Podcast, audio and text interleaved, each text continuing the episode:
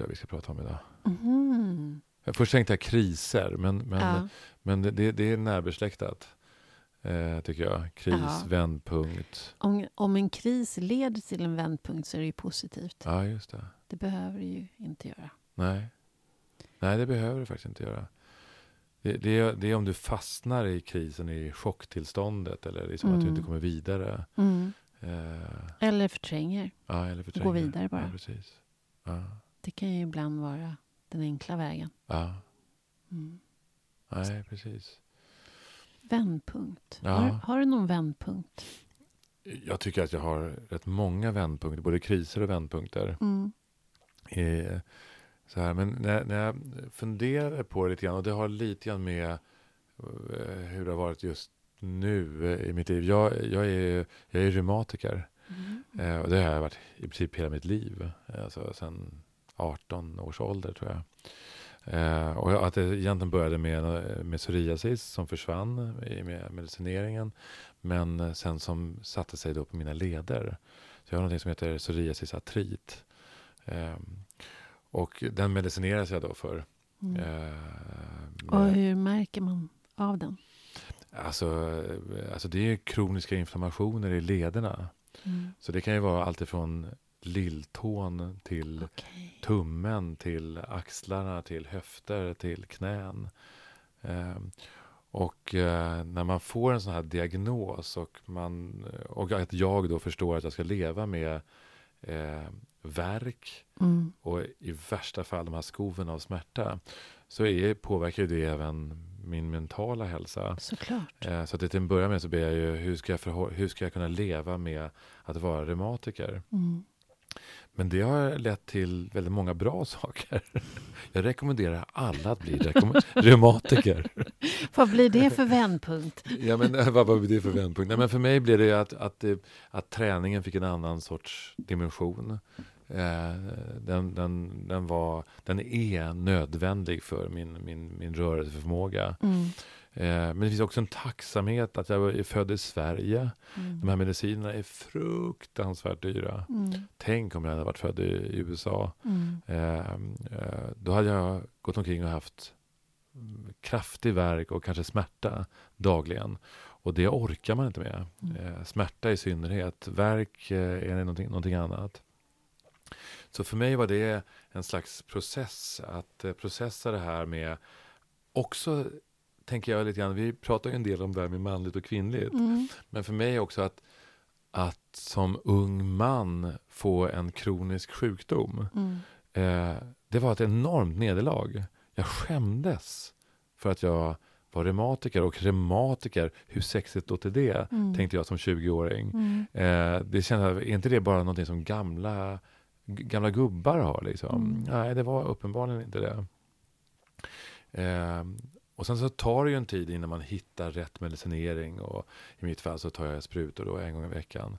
Eh, och sen så lär ju jag mig att leva med det. Mm. Det blir ingen grej. Eh, Men blir det väldigt fokus på kroppen? Att du känner ah, nu är det nog något i axeln här eller nu är det något i höften. Eller, Ja. Alltså att man blir väldigt lyhörd för sin kropp. det, det, det, det blir... Det, blir jag. Jag kan inte Mm. svara för alla reumatiker. Det är många. Eh, men alltså, ja, det blir... Och samtidigt är det också så att eh, det är en hår, det, det, det är en svår balansgång att, inte, att eh, acceptera sin sjukdom men inte identifiera sig med den. Mm. Därför att eh, jag är inte, Ruben är inte eh, reumatiker. Jo, Mm. det är jag ju, men jag, det är inte det som är, Inte Eh, din identitet. det är inte min identitet. Mm. Utan jag förhåller mig till min, min den här, eh, och det har funkat alldeles utmärkt. Och Mm. eh, eh, för att vara sjuk så är jag väldigt frisk. Eh, vilket min, min läkare också många gånger säger. Eh, och sen kan det ju så, såklart eh, de här, jag går ju och tar prover med jämna mellanrum. Liksom, Mm. Och de kan ju då signalera någonting annat. Mm. Eh, och det behöver inte alltid överensstämma med hur, jag känner mig. Och det Mm. tycker jag också är rätt bra. Liksom. Mm. Eh, och eh, eh, ja, så det, det, det, det är en slags vändpunkt i mitt liv. Liksom när jag blev eh, kompis med min sjukdom. Ja, och Ja. vad krävdes för att du skulle bli kompis och komma med någon slags acceptans om att nu är det så här? Alltså ett, så var det ju så att motståndet mot att, att, att, att, acceptera att jag faktiskt eh, är reumatiker, Mm. det tog ju mycket, så mycket energi. Mm. Eh, än att liksom se, ja så här ser det ut. Mm. Det här har jag att förhålla mig till. Mm. Eh, hur löser jag det liksom, Mm. på något sätt? Och, eh, ehm, jag upplever ju inte heller, liksom, jag, jag, jag, trots min medicinering så får man ju skov ibland och, och det är besvärligt. Eh, ehm, men även det, eh, det, det, det är nästan så att det blir en slags utilitär, vad heter de? utilitterat Nej, du kan, jag kan inte ens uttala det. Så jag hoppar där. Vi klipper där. Ja. Ta bort det. Ja. Nej, men det alltså, hela det här att, att, att efter man haft ett skov Mm. så är man så fri och det är så härligt. Mm. Då uppskattar jag livet än mer och att min kropp fungerar Mm. som den ska. Liksom. Så det, det finns hela tiden förhållningssätt, tänker jag. Liksom. Det finns sätt att, att, att Det byggs in en möta. tacksamhet av något slag Ja, märkligt nog. Mm. är det så faktiskt. Vad spännande. Ja. Så det... eh, Ja, hur, hur förhåller man sig? Hur förhåller jag mig liksom till eh, att det vissa, det som, som skulle kunna vara ett nederlag. Mm. Eh, men om då jag nu hade gått i, ja, i, i 30 år och, och gnällt över det här, det hade ju Mm. varit hemskt. Mm. Verkligen. Ja. Men jag tänker sådana nederlag har vi ju alla, fast på olika sätt. Det behöver ju inte Exakt. vara sjukdom. Nej. Det kan ju vara att jag inte klarar av att arbeta full tid eller Nej. att jag inte kan flytta där jag bor, att jag inte trivs där, eller Ja. mitt kön, eller min... Vad det nu kan vara, att Ja. jag upplever i kontexten där jag befinner mig att det är inte till min fördel. Precis. Och att jag antingen så kämpar emot det här eller så, så kan jag någonstans acceptera och se, okej, vad gör jag av den här situationen då? Mm. Mm, det, är, det är absolut. Vilken Det är ett sätt i alla fall.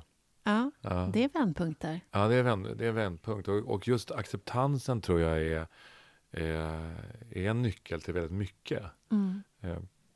I synnerhet när, när det är saker som är, i det här fallet kroniskt, men när det är situationer där jag faktiskt inte kan eh, påverka på ett annat sätt än att hitta en ny strategi. Mm. Att förhålla mig till eh, den här förändringen. Mm. Eh, sen så finns det ju självklart saker, alltså om du lever i en osund relation Mm. så finns det ju eh, faktiskt så att du, du kanske bör lämna. Eh, Absolut. till exempel, jag det tycker finns ju- vi... eh, Det här, acceptans är inte eh, bra i alla lägen. inte. Det är jätteobra Ja, i vissa fall. ja. Lever du i en destruktiv relation så lämna. Det tycker vi. Det tycker jag är Det, en bra det, grej. Det, ja, det är en bra grej. Ja. Ja, det här med acceptans det föreleder ju oss nu till att vi sitter och väntar på en väldigt spännande gäst. Ja, Kirsti Gällan. Ja. Ja. Hon har en mycket framgångsrik och lång karriär inom läkemedelsbranschen där hon Ja. både varit chef och, och också styrelseproffs. Just det. Hon är humanisten som blev apotekare. Ja. Ja, Och sen gick lite grann tillbaka till... ja just det. Ja. Och eh, hon är ursprungligen från eh, Norge, Trondheim. Mm. Ja. Ehm, och sen eh, var hon ju med om någonting som vi ska prata om. Som blev just en vändpunkt Mm. i hennes liv. Mm. Som eh, ska bli väldigt intressant att fördjupa sig i. Verkligen. Ja. Ska du gå och hämta henne? Jag gör det. Ja.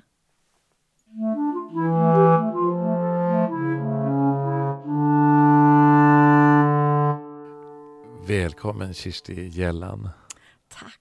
Till podd Mogna. Ja, så Ar- spännande. Vad roligt att ha dig här. Ja, tack för inbjudan. Ja. Du kom-. Du kom in i rummet med, med sån energi, med sån värme och leende så man blev glad i hela kroppen. Ja, nej men vad roligt. jag känner mig glad och jag känner mig varm. Mm. Mm. Spännande att vara med er här. Mm. Mm. Jag tycker vi kör igång på en Yes. gång med... Har du mognat något den senaste tiden? Ja, jag tycker det där är en fantastisk fråga.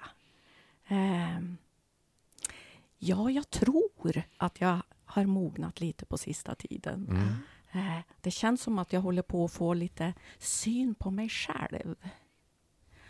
Och eh, då tänker jag inte på den här inre kritikern som sitter på axeln och liksom pratar Mm. eh, oavbrutet. Men, men att jag, jag kan vara närvarande i mig själv i olika sammanhang och jag kan eh, uppleva både hur mina tankar går, hur mina känslor är och hur jag är i kroppen. Mm. Och eh, jag hade en upplevelse här där jag blev utmanad. Jag blev verkligen triggad.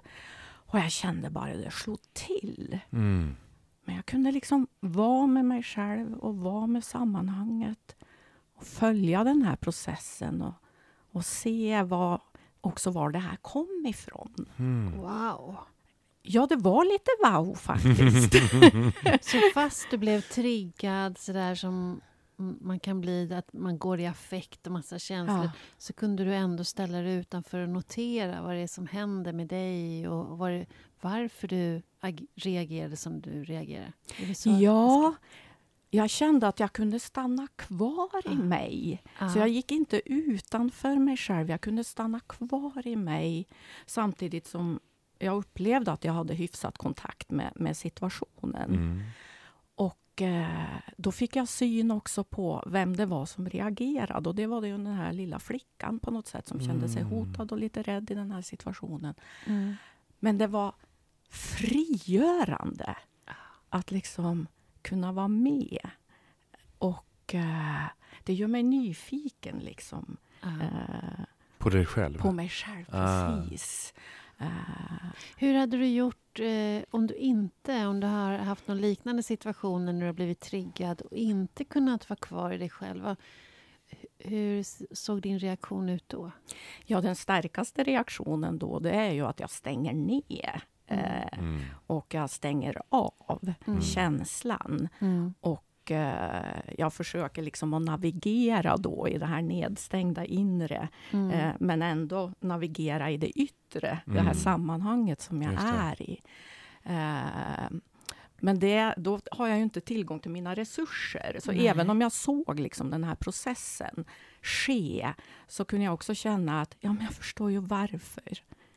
Och jag kunde också känna en, en viss medkänsla, även om det var Mm. stresspåslag och rädsla och, och liksom sådär. Eh, jag kände att jag kunde ha en viss att jag kunde ha medkänsla med situationen och att jag inte var så hård med mig själv efteråt. Mm. Mm. Och sen att prata om vad som hände. Jag kunde ju sätta ord på nu hände det här med mig. För, inför den personen som Inför hade den personen som jag Ah. var i interaktion med och sammanhang med. Jag kunde säga liksom, ja, lite senare vad det var som hände. Ja.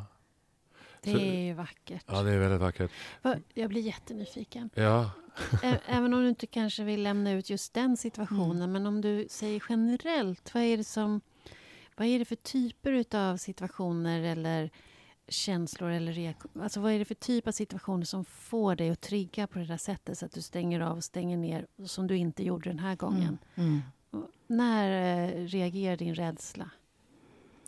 Ehm, det kan vara om jag känner mig som tagen på sängen Mm. Mm. och jag känner att eh, eh, någon efterfrågar något hos mig som jag inte känner att jag kan ta ansvar för. Mm. Eller jag känner mig oförberedd. Mhm.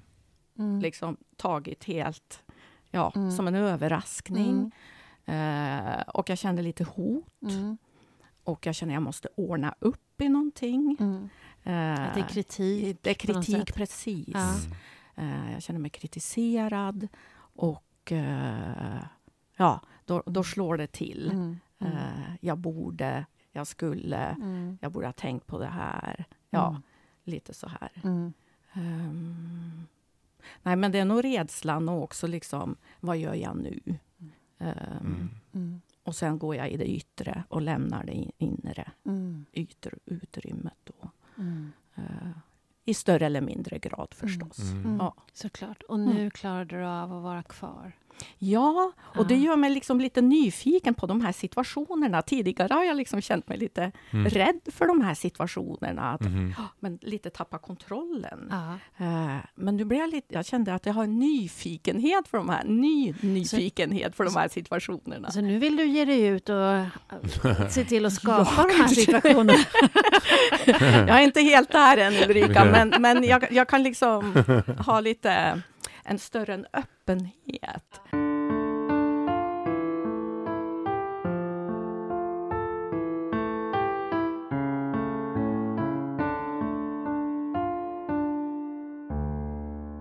Men vad är ditt förhållande till ilska då? Alltså om, om man möter en sån här person som ibland triggar en och man känner att nu brusar jag upp eller nu blir jag förbannad. Därför Ulrika och jag har pratat rätt mycket om, Mm. om ilska.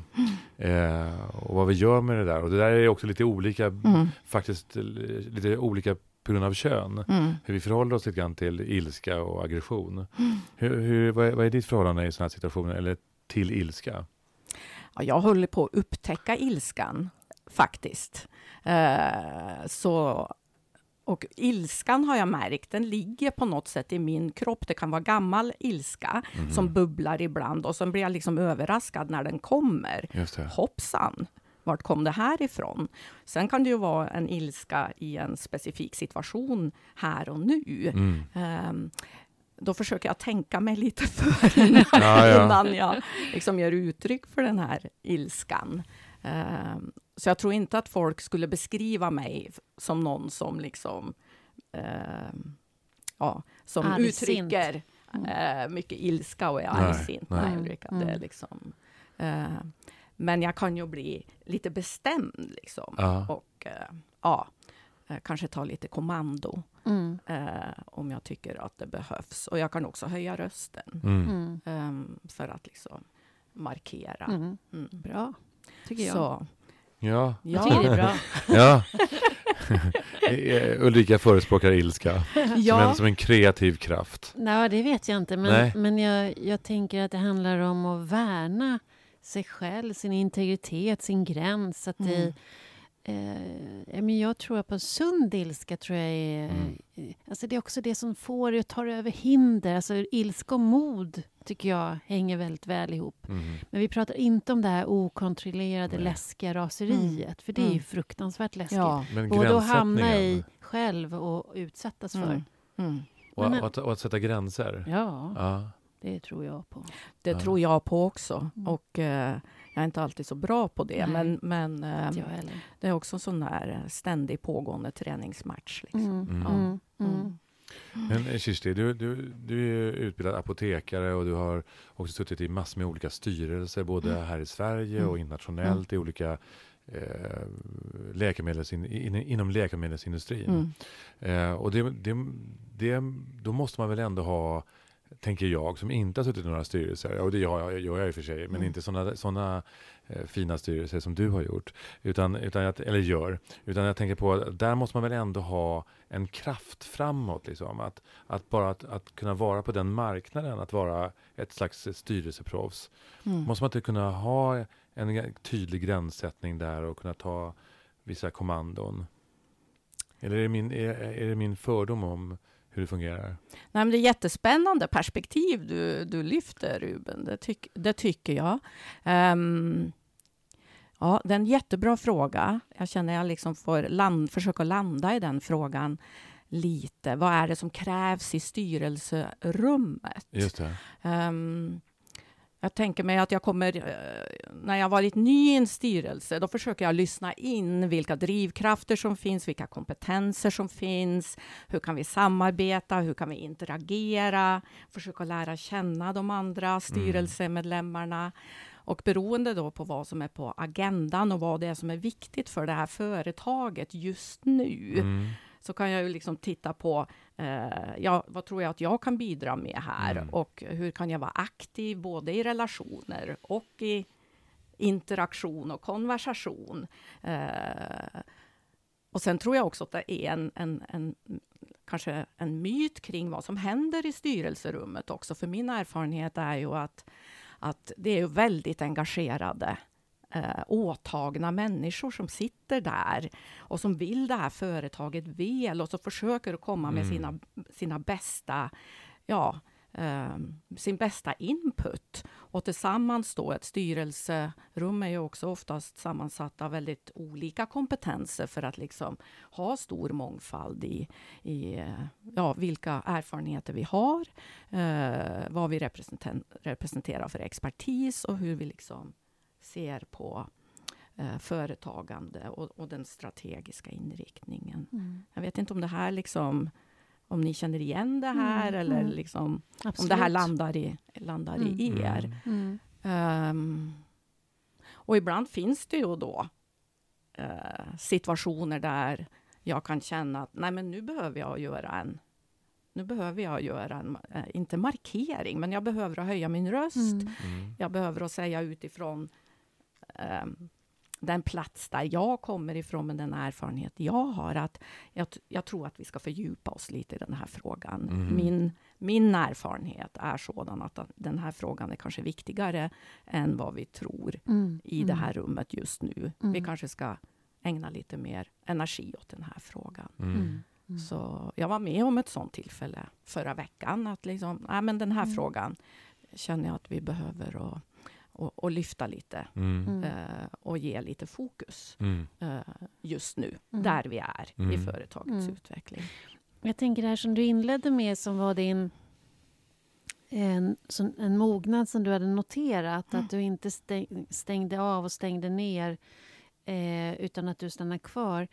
Eh, de där situationerna, stänga av och stänga ner, när de händer. Mm. Eh, jag är övertygad om att det kanske inte är så många som noterar och ser det, men du känner ju det när det händer. Är det, eh, om du tittar på ditt liv generellt sett, inte bara nu och här, utan generellt, är det främst i privatlivet eller i yrkeslivet som de situationerna händer där de här, det här triggas? Mm. Vilken bra fråga. nej, men det händer både privat och i arbetslivet. Ja. Mm. Ehm, och ehm, om jag ska ta liksom en, en, en situation från, från arbetslivet, Mm. eh, då kan jag ju referera till en situation när vi sitter liksom eh, 15-20 pers runt bordet Mm. och vi ska föredra. Och Mm. det är liksom ehm, ur ett ledningsperspektiv. Mm. Ehm, och ehm, vi är väldigt få kvinnor i rummet. Mm. Och ehm, jag har ju mina ansvarsområden och jag eh, svarar på mina frågor och sen börjar någon att ställa frågor till mig på ett sätt som jag känner att ja, pushar mig. Mm. Mm. Och frågan ställs om och om igen Mm. och jag eh, känner att ja, men jag kan inte svara på den här frågan. Obehagligt. Ja, så då, då tar jag en exit i Mm. den här situationen. Mm. Jag säger att då kände jag liksom att nej, nu måste jag få, ska, ge mig själv lite space. Så jag säger, ehm, jag kan gå ut nu och så ta reda på den här frågan om det, om det är Mm. viktigt att ni får det Mm. här svaret nu. Eh, och så får jag gå ut och andas lite. Ja. Men då var jag inte så närvarande Nej. i mig själv. Men jag kände mig förhörd. Mm. Mm. Och eh, att känna Men- mig förhörd, det, Men det är obehagligt trigg, det att triggar någonting. mot väggen. Ja, man Ja. kunde ha lyssnat och sagt att ja, ja, men vi vet att du tar reda på det här. Liksom. Ja, Behöver ja. inte pusha det Mm. in i kaklet. Mm. Mm. Men ändå, du finner dig ju ändå på det sättet att du, du säger time out, liksom. du säger stopp. Eh, på det sättet Ja. att eh, okej, men då om den är så viktig, Mm. då går jag ut. Ja. Och använder tiden till det. Yes. Att det är ändå ett sätt att finna sig.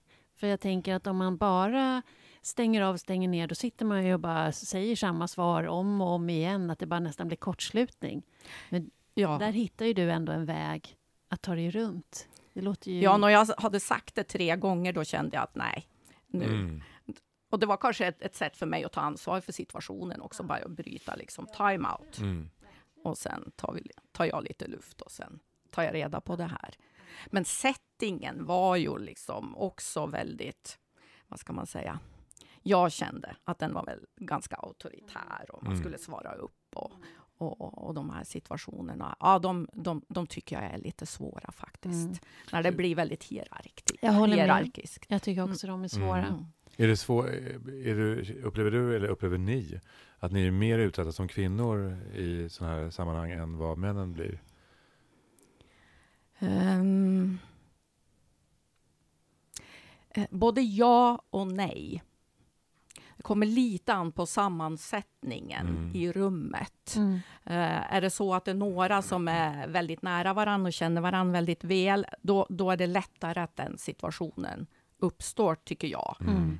Um, för då på något sätt uh, kanske man inte är så känslig för vad som händer i rummet. Men, men om det är ett, ett sammanhang där det sitter ja, uh, människor som ja, kommer tillsammans för, det här, för den här frågeställningen, då, då upplever jag att det, det är mindre känsligt. Mm. mm. Men, mm. men uh, ja, jag tror att mm. uh, jag upplever det så i mm. alla fall. Mm.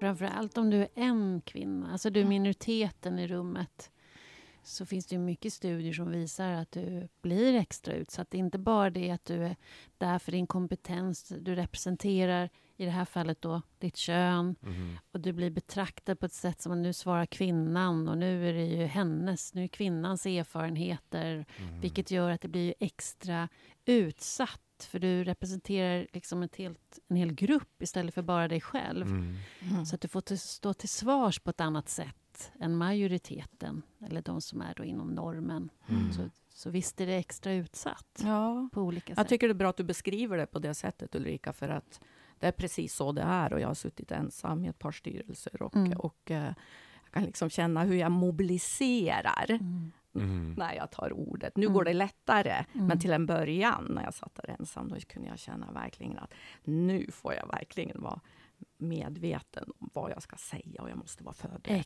Och, och, jag måste säga det kondenserat så mm. att jag liksom ja, mm. får fram mitt budskap snabbt. Mm. För du har inte råd inte, med några misstag? Nej, och jag, och jag vet inte hur mycket mm. tid jag har nej. innan någon. Liksom. Mm. Men samtidigt så är det ju vänliga styrelser, så det är en mm. intressant dynamik. Ja, det är ju vänliga liksom, sammanhang på den mänskliga nivån, men, men samtidigt då när man hamnar i de här det är strukturerna mer än någonting annat. Det är inte elakhet. Jag har inte upplevt elakhet nej, på det nej. sättet. Det är mera... Ja. Jag tror många gånger är väldigt omedvetet. Omedvetet. Mm. Ja, just det. Mm. Just det. Så det handlar så mycket om att synliggöra. Mm. Och medvetandegöra. Mm. jag du... tänker på att de styrelser som jag har suttit i och sitter i, mm. där är jag enda mannen. Mm. ja. Faktiskt. Mm sitter och tänker på nu. I båda styrelserna så är det så. Mm. Ja.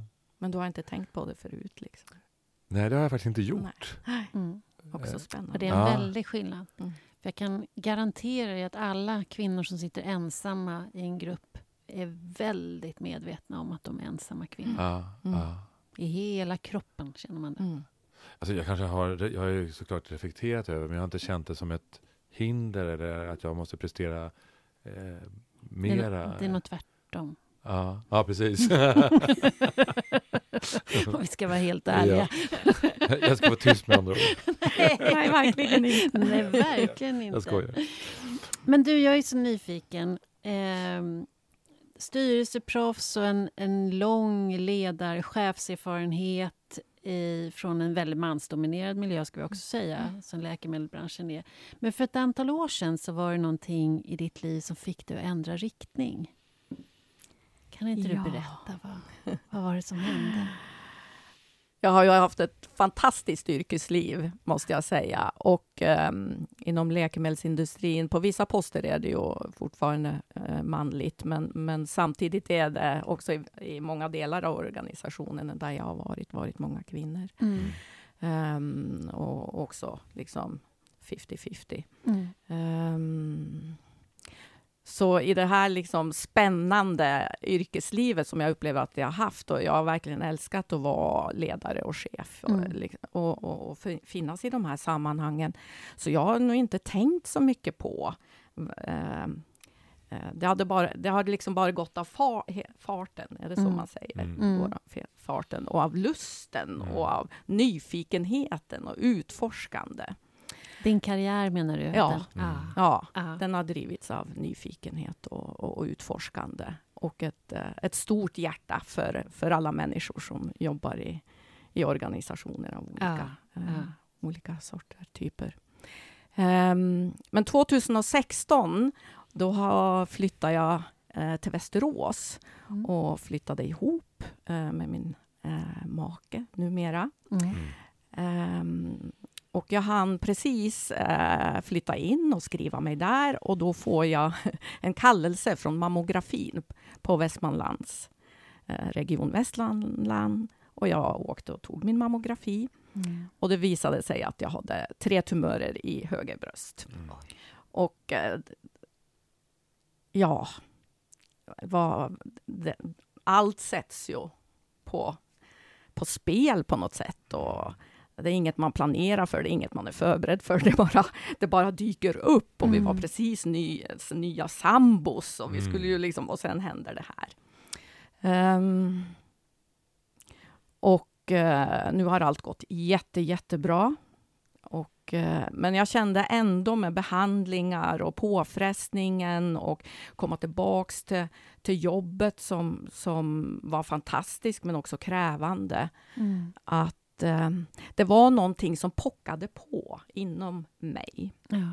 Och eh, den här kontakten med de existentiella frågorna liksom börjar göra sig påmind.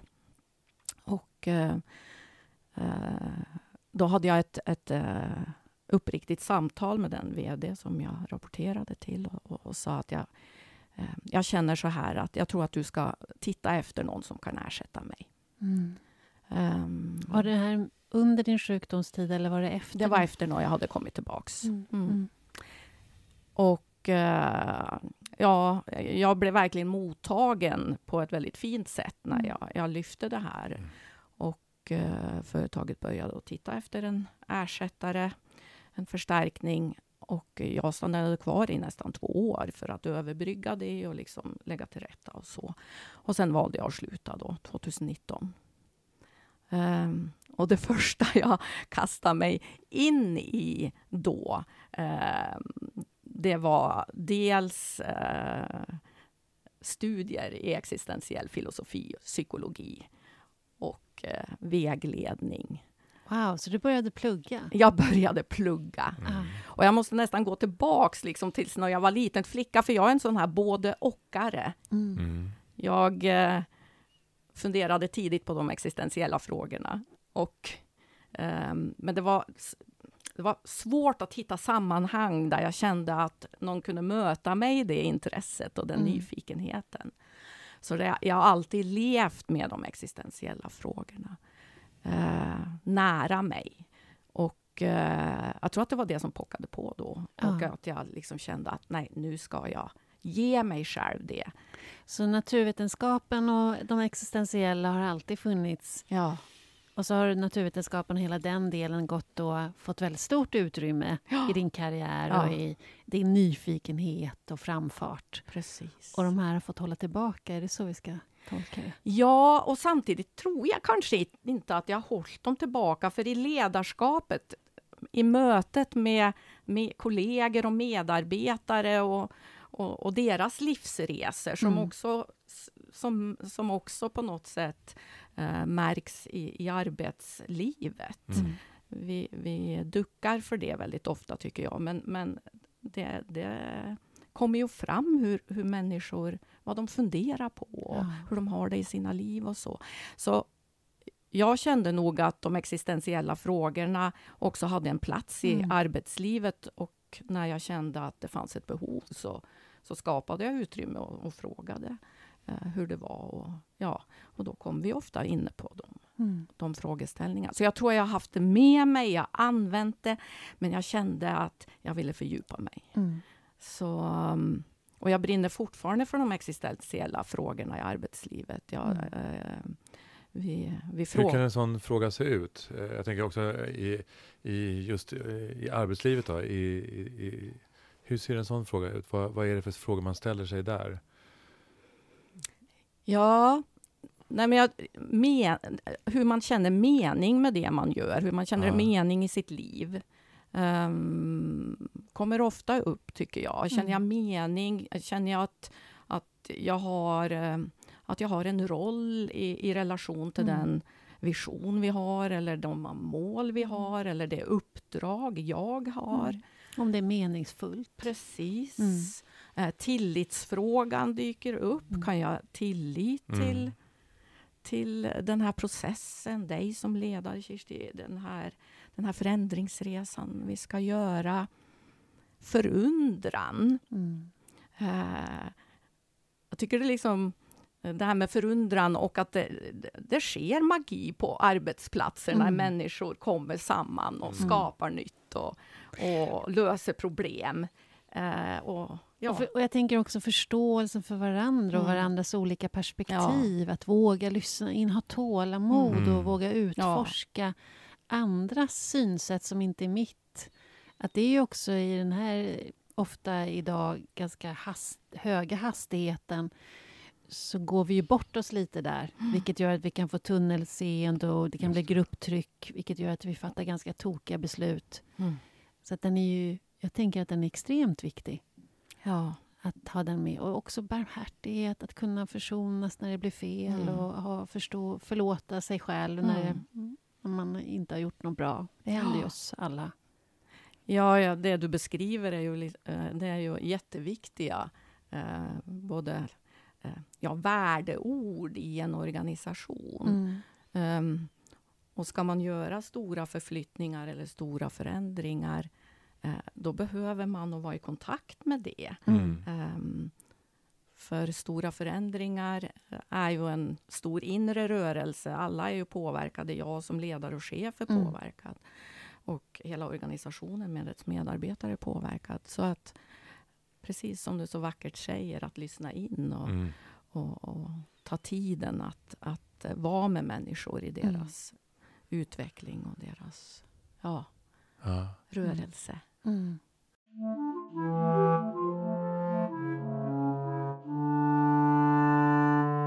Och är det samma frågor som du ställer i, det, i den pri privata sfären eller ser de annorlunda ut?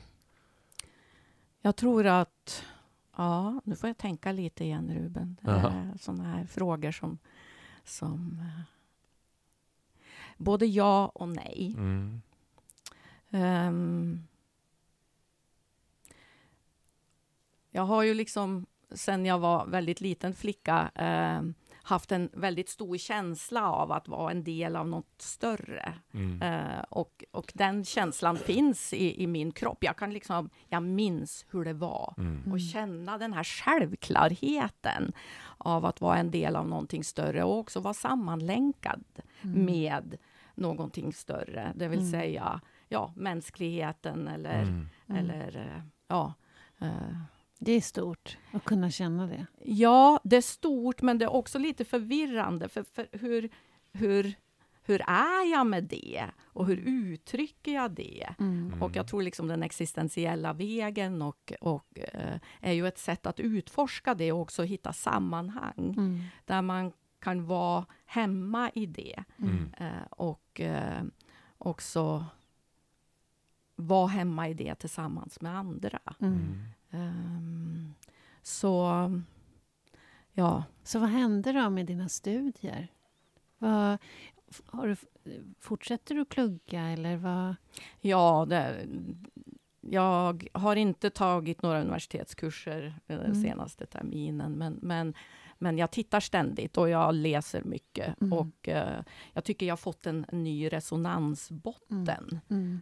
Ehm, och den här kunskapen jag fick genom de här studierna då i Mm. existentiell vägledning, jag känner att det, ja, det, det, det har berikat mig. Mm. Eh, och eh, jag upplever också att med det så, så um, ja, det är en ny nyfikenhet på människor och sammanhang, men, men jag känner också att jag, jag kan formulera, jag har fått ett språk. Mm. Mm. Jag tror att det är det det handlar om. Ja. Men den här eh, existentiell vägledning, det låter som musik i mina öron. Har, det- har, det, eh, har det gjort att du har... Har det påverkat dig i dina relationer? Nu är jag lite nu är jag lite frestad att, ge tillbaks den Ah. frågan. Nej, vad, vad, vad, vad tror du? Ja, det tror jag. Ja, För jag, jag pluggar ju också ja. eh, ständigt. Det är mitt... eh, Det är mitt ja, min, det är mitt... Jag vet inte vad jag ska kalla det för. Men jag är, pluggar nästan alltid Mm. någonting. Och just nu är det eh, psykologi. Och, och jag tycker att jag kan använda. Jag kan nästan gå från kursen hem och använda det. Eller till ett samtal, eller i mitt jobb. Eller, och jag tycker det är så otroligt fascinerande. Mm. Det- Det går att omsätta i, och, eller förståelse för mig själv. Men det är en annan, det är en annan sak. Men när det direkt syns i, Mm. i kontakten med någon annan. Mm. Eller förståelsen av någon annan. Jag, förstår, jag förstår vad du menar och jag känner igen mig i det du säger. Eh, och jag tror att jag tror att den största skillnaden för mig genom de här studierna var nog att, som sagt, jag fick ett språk. Mm. Jag, jag känner att jag kan lättare eh, formulera mig, prata, sätta ord på det jag Ja. själv upplever och också Mm. liksom eh, vara i utforskande med dem jag är tillsammans med. Mm. Ehm, och en större medvetenhet om, om de ja, olika existentiella dimensionerna. Mm. Och de kan ju också vara olika för de människor man, man möter. Mm. Eh, och att kunna navigera i det och vara med det. Eh, När du säger existentiella dimensioner, kan jag bara säga något kort om det? Vad är det? ja, ehm, Eller det kanske... om, jag, om jag är i ett, ett eh, sammanhang av troende, ja då Mm. har det ju en, Mm. en, en valör. Mm. eh, av den existentiella dimensionen. Eh, är jag i, i ett klassrum med gymnasieelever, ja men då har den existentiella dimensionen ett annat Mm. uttryck. Mm. Mm. Eh, och eh, där kanske det handlar mer om, har ser jag mening i livet eller ser jag inte mening i Mm. livet? Och att det är mera nära Mm. eh, på det sättet. Åh, fint. Ser du mening i livet, Ruben? Ja, det gör jag. Det, det gör jag. Jag tänker liksom att de här existentiella frågorna för min del, eh, för min del så är det så att de måste eh, fungera för mig i, i hela min tillvaro. Mm. Eh, där, där måste det, för mig är det så, ju, och ju, ju äldre jag blir också så blir det sömlöst. Alltså, det finns inga gränser liksom egentligen för, eh, för de här eh, för, för det som jag tror på. Mm. Utan det, det går in i arbetslivet och det går in i det privata livet och, och eh, även när jag står och väntar på bussen. Mm. Eh, så, så eh, tycker jag och, och att, att de här existentiella frågorna hela tiden finns närvarande. Mm. Och det, det ger mig en, en, en- en guidning och en vägledning och, Mm. och också en ständig dialog. Eh, här på podd Mogna så är vi ju för det här med dialog. Mm. vi tror ju på det här. Även den inre dialogen Mm. är ju någonting som, eh, som främjar utveckling. Mm. Men jag tänker också någonting annat som är vackert. Jag, jag- känner ju dig utifrån i, vissa existentiella sammanhang. Mm. Inte minst att vi mediterar tillsammans. Mm. Ehm, och, ehm, men sen är det någonting annat som har skett längs med vägen här. Och, och eh, 25 december är ju förra året så var det någonting speciellt, någonting stort som hände i ditt liv. Berätta. Ja. Ehm, ja, jag känner bara hur det sipprar i hela min kropp. För, det, för, för mig var det stort. Det- Jag eh, fick en förfrågan om att, om att sjunga solo på midnattsmässan mellan 24 och 25 då på julafton. Och ehm, det var 40 år sedan jag gjorde det. Oj. Eh, men när jag fick frågan eh, att sjunga psalm 428 eh, som egentligen handlar eh, om en musikalisk förmedling av julevangeliet eh, så kände jag att jag bara sa ja i hela mig själv. Ehm, och eh, det här med min röst, jag kunde ju liksom jag, jag sjöng innan jag hade lärt mig att prata ordentligt. Så sången är ju en del av livsflödet i mig. Det är, Mm. det är en del av min identitet.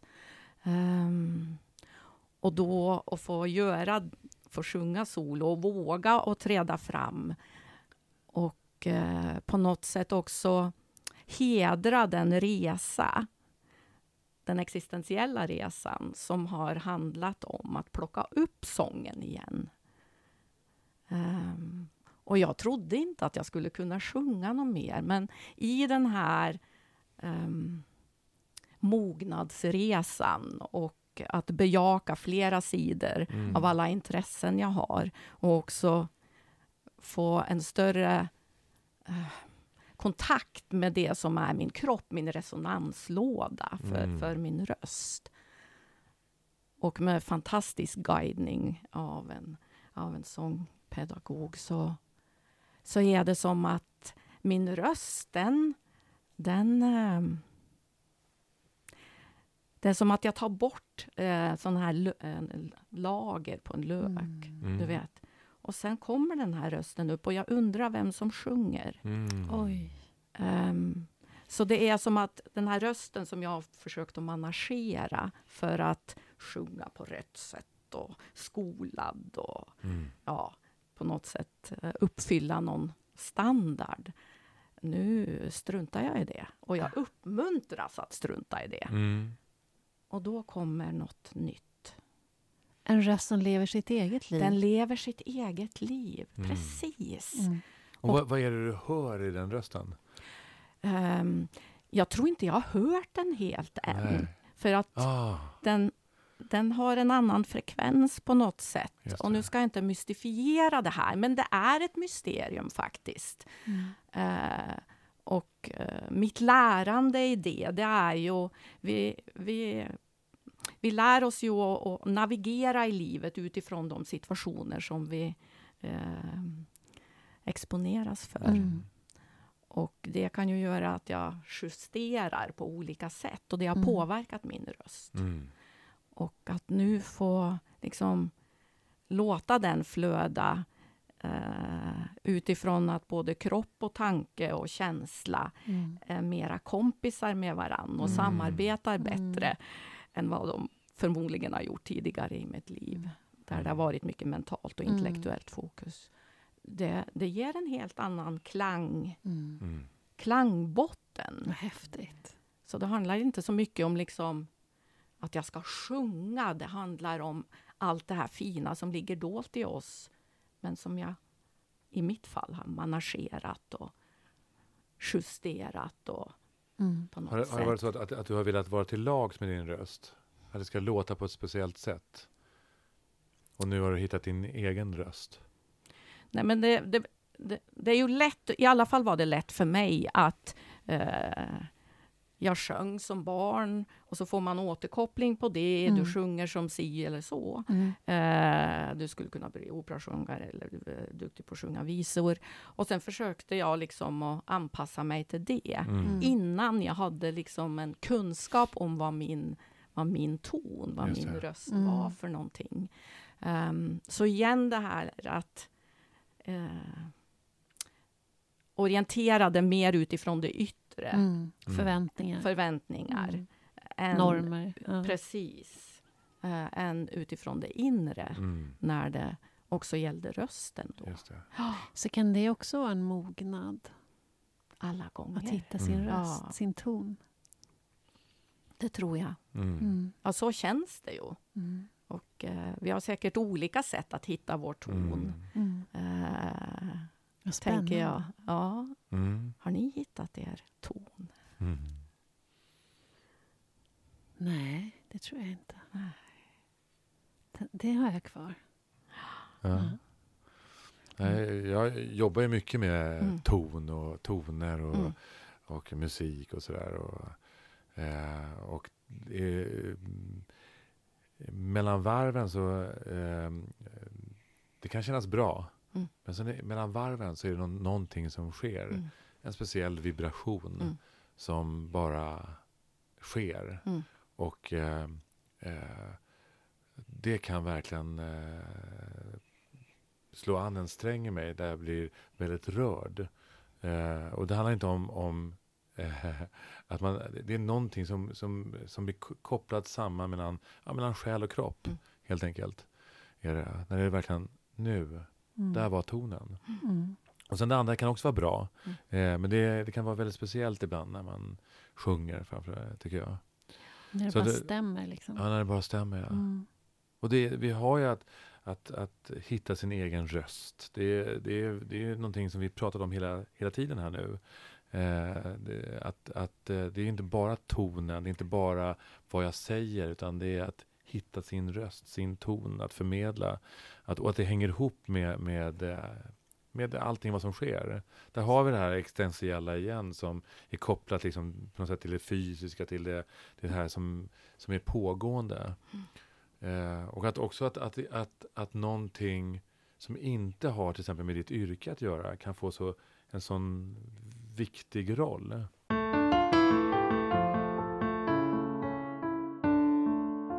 Men jag blir så nyfiken, för du berättar ju verkligen om en stor vändpunkt i ditt liv. Du har en, en framgångsrik karriär som du också älskar och som du trivs med och du, är, eh, du går liksom med din nyfikenhet som drivkraft framåt.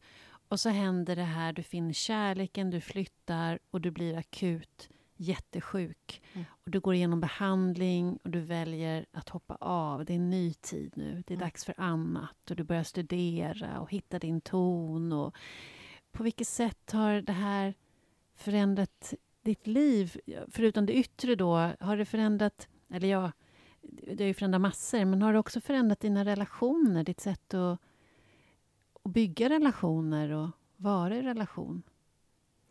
Eh, definitivt. Jag tror att det har fördjupat relationer. Mm. Och, ehm, och också förstärkt relationer. Mm. Ehm, och att eh, just det här att kunna vara fullt och helt närvarande i relationer. Mm. Eh, utan att vara på väg någonstans. Jag är fortfarande på väg, jag är fortfarande i rörelse. Men, ehm, när jag blev sjuk och, och tiden efter det, då, då hände det också någonting i min kropp. Jag blev väldigt, väldigt långsam. Så det var som att kroppen kommunicerade Mm. att den här läkningen kommer att kräva långsamhet. Mm. Så allt det som vi har pratat om nu Mm. då, det jag har delat, det kommer, det har liksom det har fått liv genom den här långsamheten. Mm. Fruktansvärt frustrerande till en början, för jag är det. Snabb och får mycket gjort och, och plötsligt är jag långsam. Men jag tror att långsamheten har varit en, en förutsättning för att det nya att födas fram då Mm. på olika sätt. Och det påverkar ju relationer också. Mm. Eh, och eh, jag har haft många relationer Mm. och eh, eh, fortsätter att ha många relationer men, men min långsamhet gör att, att den här för, kapaciteten att ha volym, liksom, väldigt många, Mm. den har, Mm. har förändrats. Mm. Så ja, den, den, den viktig detalj det här, den här långsamheten som, som kom in. Och det var ju liksom också helt nödvändigt för att kunna känna in mig själv och Mm. vara närvarande i mig själv. Mm. Eh, Så jag fortsätter att vara långsam. Mm. Eh, Men eh, Även i styrelsen? ja, nu, nu har jag några styrelseuppdrag då och eh, eh, Nej, men jag kan ju mobilisera energi eh, Mm, fortfarande, så det är ju inte så att jag har blivit sävlig. Men, men, men långsamheten är ändå en resurs, Oh ja, jag tänker att den är en jätteresurs. eller hur? Och jag, tycker, jag tänker att det är ett jätteerbjudande till just styrelsen. Mm. Att stanna upp, att Mm. fördjupa, Mm. att tala klart innan man fattar beslut, att utforska. Att jag tänker att det är en gåva in. Men de flesta av oss är ju fostrade i det här samhället Om man tittar på våra drivsystem, vi går från hot till att vi känner att, eh, ja, kritiserade eller någonting annat. Vi måste skapa resultat och så går vi till driv där vi löser saker, vi går framåt, Mm, vi, mm. vi hittar lösningar. Men vi är ju sällan i det reflekterande, trygga Mm. rummet som är lite långsammare. Mm. Eh, och- och att kunna erbjuda det, Mm. det måste vara en gåva, tänker jag. Ja, det är kanske är så jag ska se det, komma ur den här frustrationen och jämföra med hur det var. Och, nej, men jag uppskattar verkligen den här långsamheten. Jag förstår att det, där- den är en viktig del av den här Mm. förändringen. Och också ett urval som, som jag har gjort då. Mm. Att vilka uppdrag tar jag? Mm. Eh, Styrelseuppdrag, vilka andra uppdrag har jag tid med? Mm. Eh, och, och inte minst också då eh, utrymme för, för de relationer som, som jag vill fortsätta och, och vara i och utveckla och, Mm. och njuta av. Mm. Mm. Har din syn på kärlek... Får jag bara, jag, nu avbröt jag dig, Ruben. Ja, jag vill bara fortsätta det här med, med tiden bara, innan vi går in på kärleken då. Absolut. jag, för jag, jag tänker att, eh, att eh, din upplevelse av att, att vara långsam eh, står egentligen i, eh, i relation till det, hur det var tidigare. Men det kanske inte var det som var din, ditt tempo egentligen, utan det kanske är det här som du upplever nu, som du fortfarande brottas med, eh, kanske är det som är di, din egentliga fart. Mm. Eh, och så tänker jag också så här lite grann också att, att vi glömmer lite grann också, i synnerhet när det handlar om helning. Eh, och du var ju utsatt för en, en svår sjukdom. Att tid kräver tid. Det Mm. går inte att komma undan. Eh, vi kan inte stressa på vissa saker, utan det måste få ta den tid det tar. Och det tycker jag att vi inte ger riktigt utrymme många gånger till i vårt samhälle idag. Utan, och det, det gäller mig själv också. Mm. Att, det, att, man, att vi glömmer det liksom. Så det är en väldigt viktig grej. Eh, Jo, och jag tänker när jag sitter här så tänker jag att, eh, att du säger att det här är ditt egentliga tempo. Jag tänker att vi människor egentligen mycket mer borde vara i det tempot generellt sett. Mm. Jag tror vi skulle bli färre krig, färre konflikter ja. om vi istället tog, för snabbhet är ju ofta förknippat med att vi måste lösa någonting. Vi, Mm. måste, vi är utsatta för någonting. Vi måste reglera ett hot om, på Mm. något sätt. Att vi skulle ju må mycket bättre, tänker jag, rent Mm. allmänt om vi hittade någon slags konsensus, att det får vara en lite långsamhet Mm. I vårt tempo. Och min upplevelse är ju eh, att egentligen, jag, jag ska inte säga ju långsammare är, jag är, utan snarare så här, ja, eh, när jag låter saker och ting bero, eller när jag ger mig själv en, ett utrymme, det vill säga jag behöver inte ta beslut nu kring vissa saker, utan jag låter det här vara en stund, då blir jag, blir jag betydligt mer effektiv också. Det blir någonting som blir, blir mer hållbart i längden. Mm. Mm. Jag vet inte om jag håller med om att jag blir mer effektiv med långsamhet, men jag blir lite klokare. Ja. Mm. Ja, jag kanske gör, sorterar lite Ja. bättre om jag är långsam. Mm. Ja. Bättre prioritering. ja, precis. Mm. Eh, Men jag gillar snabbheten också. Jag med. Ja, det får gärna gå fort, men, men också Mm. ja, hållen av långsamheten. Mm. Mm. Men det är intressant ändå, det ska vi inte fördjupa oss i. Men, Mm. men det här att vi gillar det snabba, hur mycket är vi socialiserade in i det? Mm. Att det är någonting som förväntas, belönas, vi har fostrats in och hur mycket av det är egentligen naturligt. Det Mm. skulle ju vara intressant att utforska lite. Ja. Det är egentligen bara att titta på hur, alltså, hur eh, vårt samhälles utveckling har sett ut. Så har vi ökat tempot avsevärt bara Mm. på hundra år. Det Mm. går ju inte... Alltså, eh, eh, jag, jag gjorde en, en, en grej kring eh, Gustav V som tog hit en, en, en automobil från Tyskland. Eh, som gick i hela 22 kilometer i timmen. Eh, och man varnade för faran kring att konungen skulle fara i denna, eh, detta eh, vidunder som färdades genom Stockholms stad. Eh, alltså det, bara där har vi en, en, liksom en, en ganska tydlig parameter Mm. liksom på eh, hur fort det går. Mm. Mm. Eh, jag menar, ja. Verkligen. Så det, det, jag, jag, tror att, vi, att det är ett annat tempo som egentligen är vårt naturliga tempo. Mm. Eh, och det är där jag tänker också att, att snabbhet, ja. Men när, det gäller vissa saker så tycker jag att, att, att jag, jag stressar en gång till. Jag använder ordet stressar. Eh, eh, att, att vissa saker blir mer effektivt när det inte tas för snabba beslut. Mm. Därför att de blir liksom mer avvägda Mm. eh, och, då, och, då, och, och i längden mer hållbart. Mm. Och samtidigt så är vi belönade och fostrade in i det är ganska jobbigt att vara i det där obeslutsamma. När vi bestämmer oss för att Mm. Nej, men jag vet faktiskt inte vad jag vill just nu. Utan jag måste vara i det här Ja. förvirrade tillståndet. Ja. Det är inte helt, känns ju inte helt bekvämt att vara där, tror jag, för de allra flesta. Men nu tänker jag faktiskt fråga en helt annan fråga. Eh, för jag vill ändå hinna med det. Och det är det här med kärlek. Jag skulle vilja höra, du som har gjort en sån faktiskt eh, fantastisk resa med dig själv. Eh, och vad, har din syn på kärlek förändrats genom din kan vi kalla det, ja, utveckling? Ja, det är en sån otroligt fin eh, fråga. Och, eh, ja, det har förändrats. Och jag tror att det hänger ihop med långsamheten. Och bara det här samtalet nu gör att jag får syn på att, att det här att jag nu i min mognadsresa får syn på mig själv. Mm. Det handlar också om långsamheten. Mm. Jag hinner registrera det.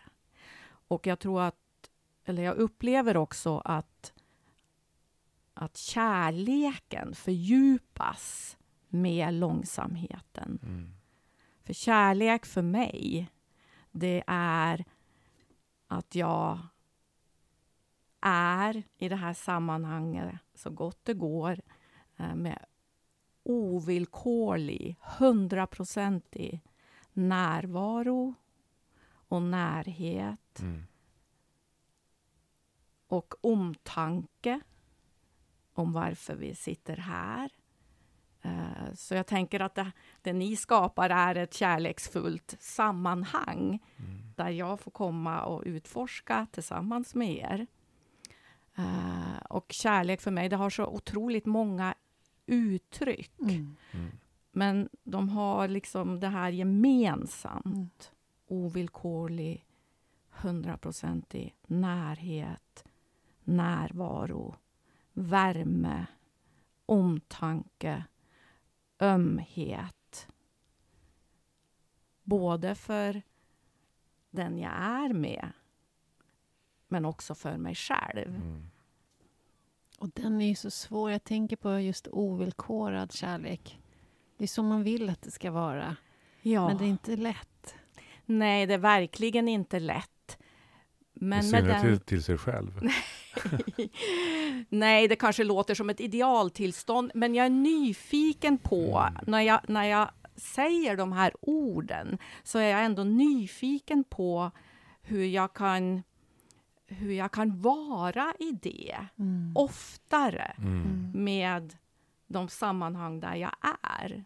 Med mina nära och kära, med min partner, Mm. eh, med stjärnfamiljen som vi har eh, och i sammanhang som det här. Jag, jag kan ändå liksom känna stor Mm. ömhet. Mm. Eh, och att vi på något sätt är sammanlänkade. Mm. Ehm.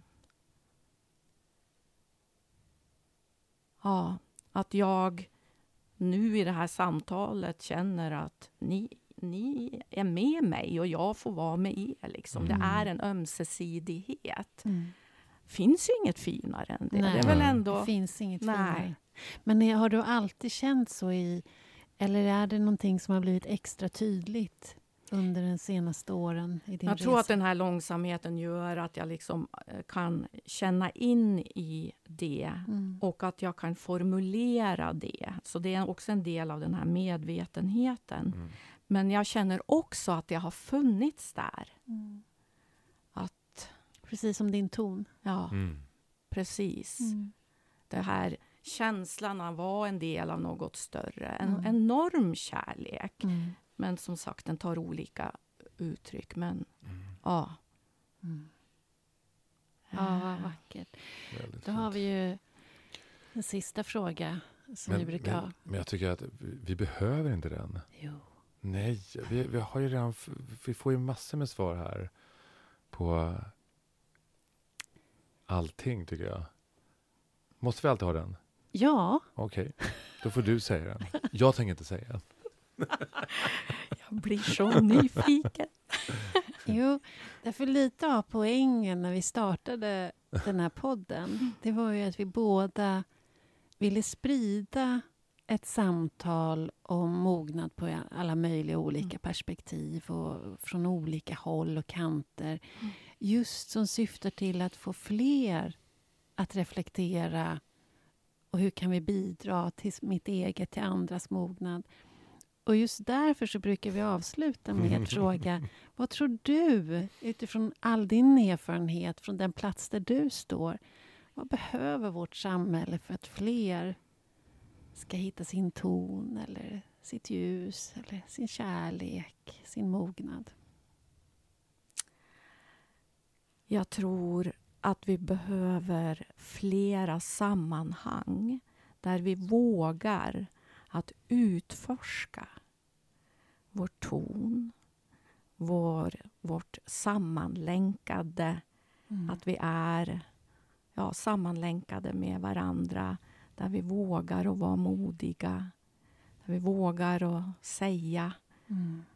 Eh, det vi behöver att säga. Mm. Att det finns ett hållande och eh, Av varandra. av, av varandra, Mm, mm. precis. Ett hållande av ett utrymme där Mm. det utforskandet får, får ske. Eh, och att vi tränar på det i trapphusen eller när vi köper en kopp kaffe eller i våra familjer, eh, på kolonilotten med grannarna. Att vi försöker att vara det utrymmet. Mm. Mm. Det handlar inte om mig här och så Ruben och Ulrika där. Det handlar om oss och, Mm. Mm. och ja, det sammanhanget som vi skapar just nu. Ja, med Mm. flera sådana kärleksfulla sammanhang.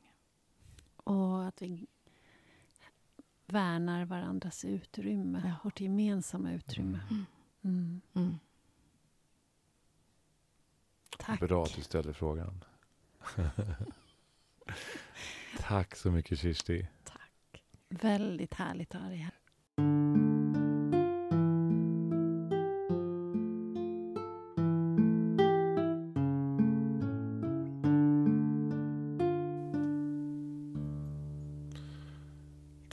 Kirsti Gjellan. Tack. Ja.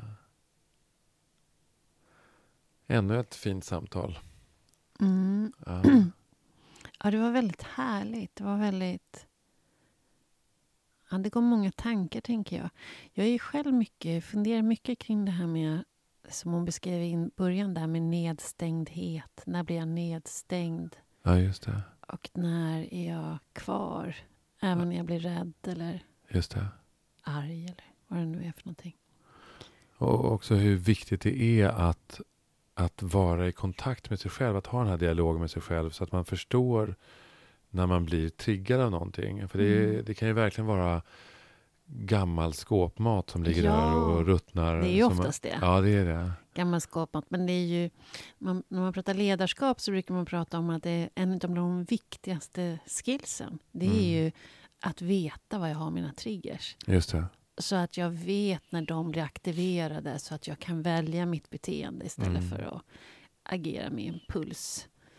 Men det är ju lättare sagt än gjort Mm. att eh, vara kvar när, man, när de blir triggade. Verkligen. Och bara Ja. notera det. Liksom. Ja. Mm. Och sen också det här med tempot, det intresserar mig jättemycket. Mm. För jag, jag strävar ju också på något sätt efter ett långsammare tempo. Jag tycker, som jag sa, att, att, att det är så mycket som sker just i det långsamma. Mm. Eh, det, det blir en, en, en behållare liksom, Mm. snarare än, än där jag skapar min, en, en tid där jag hinner med. Mm.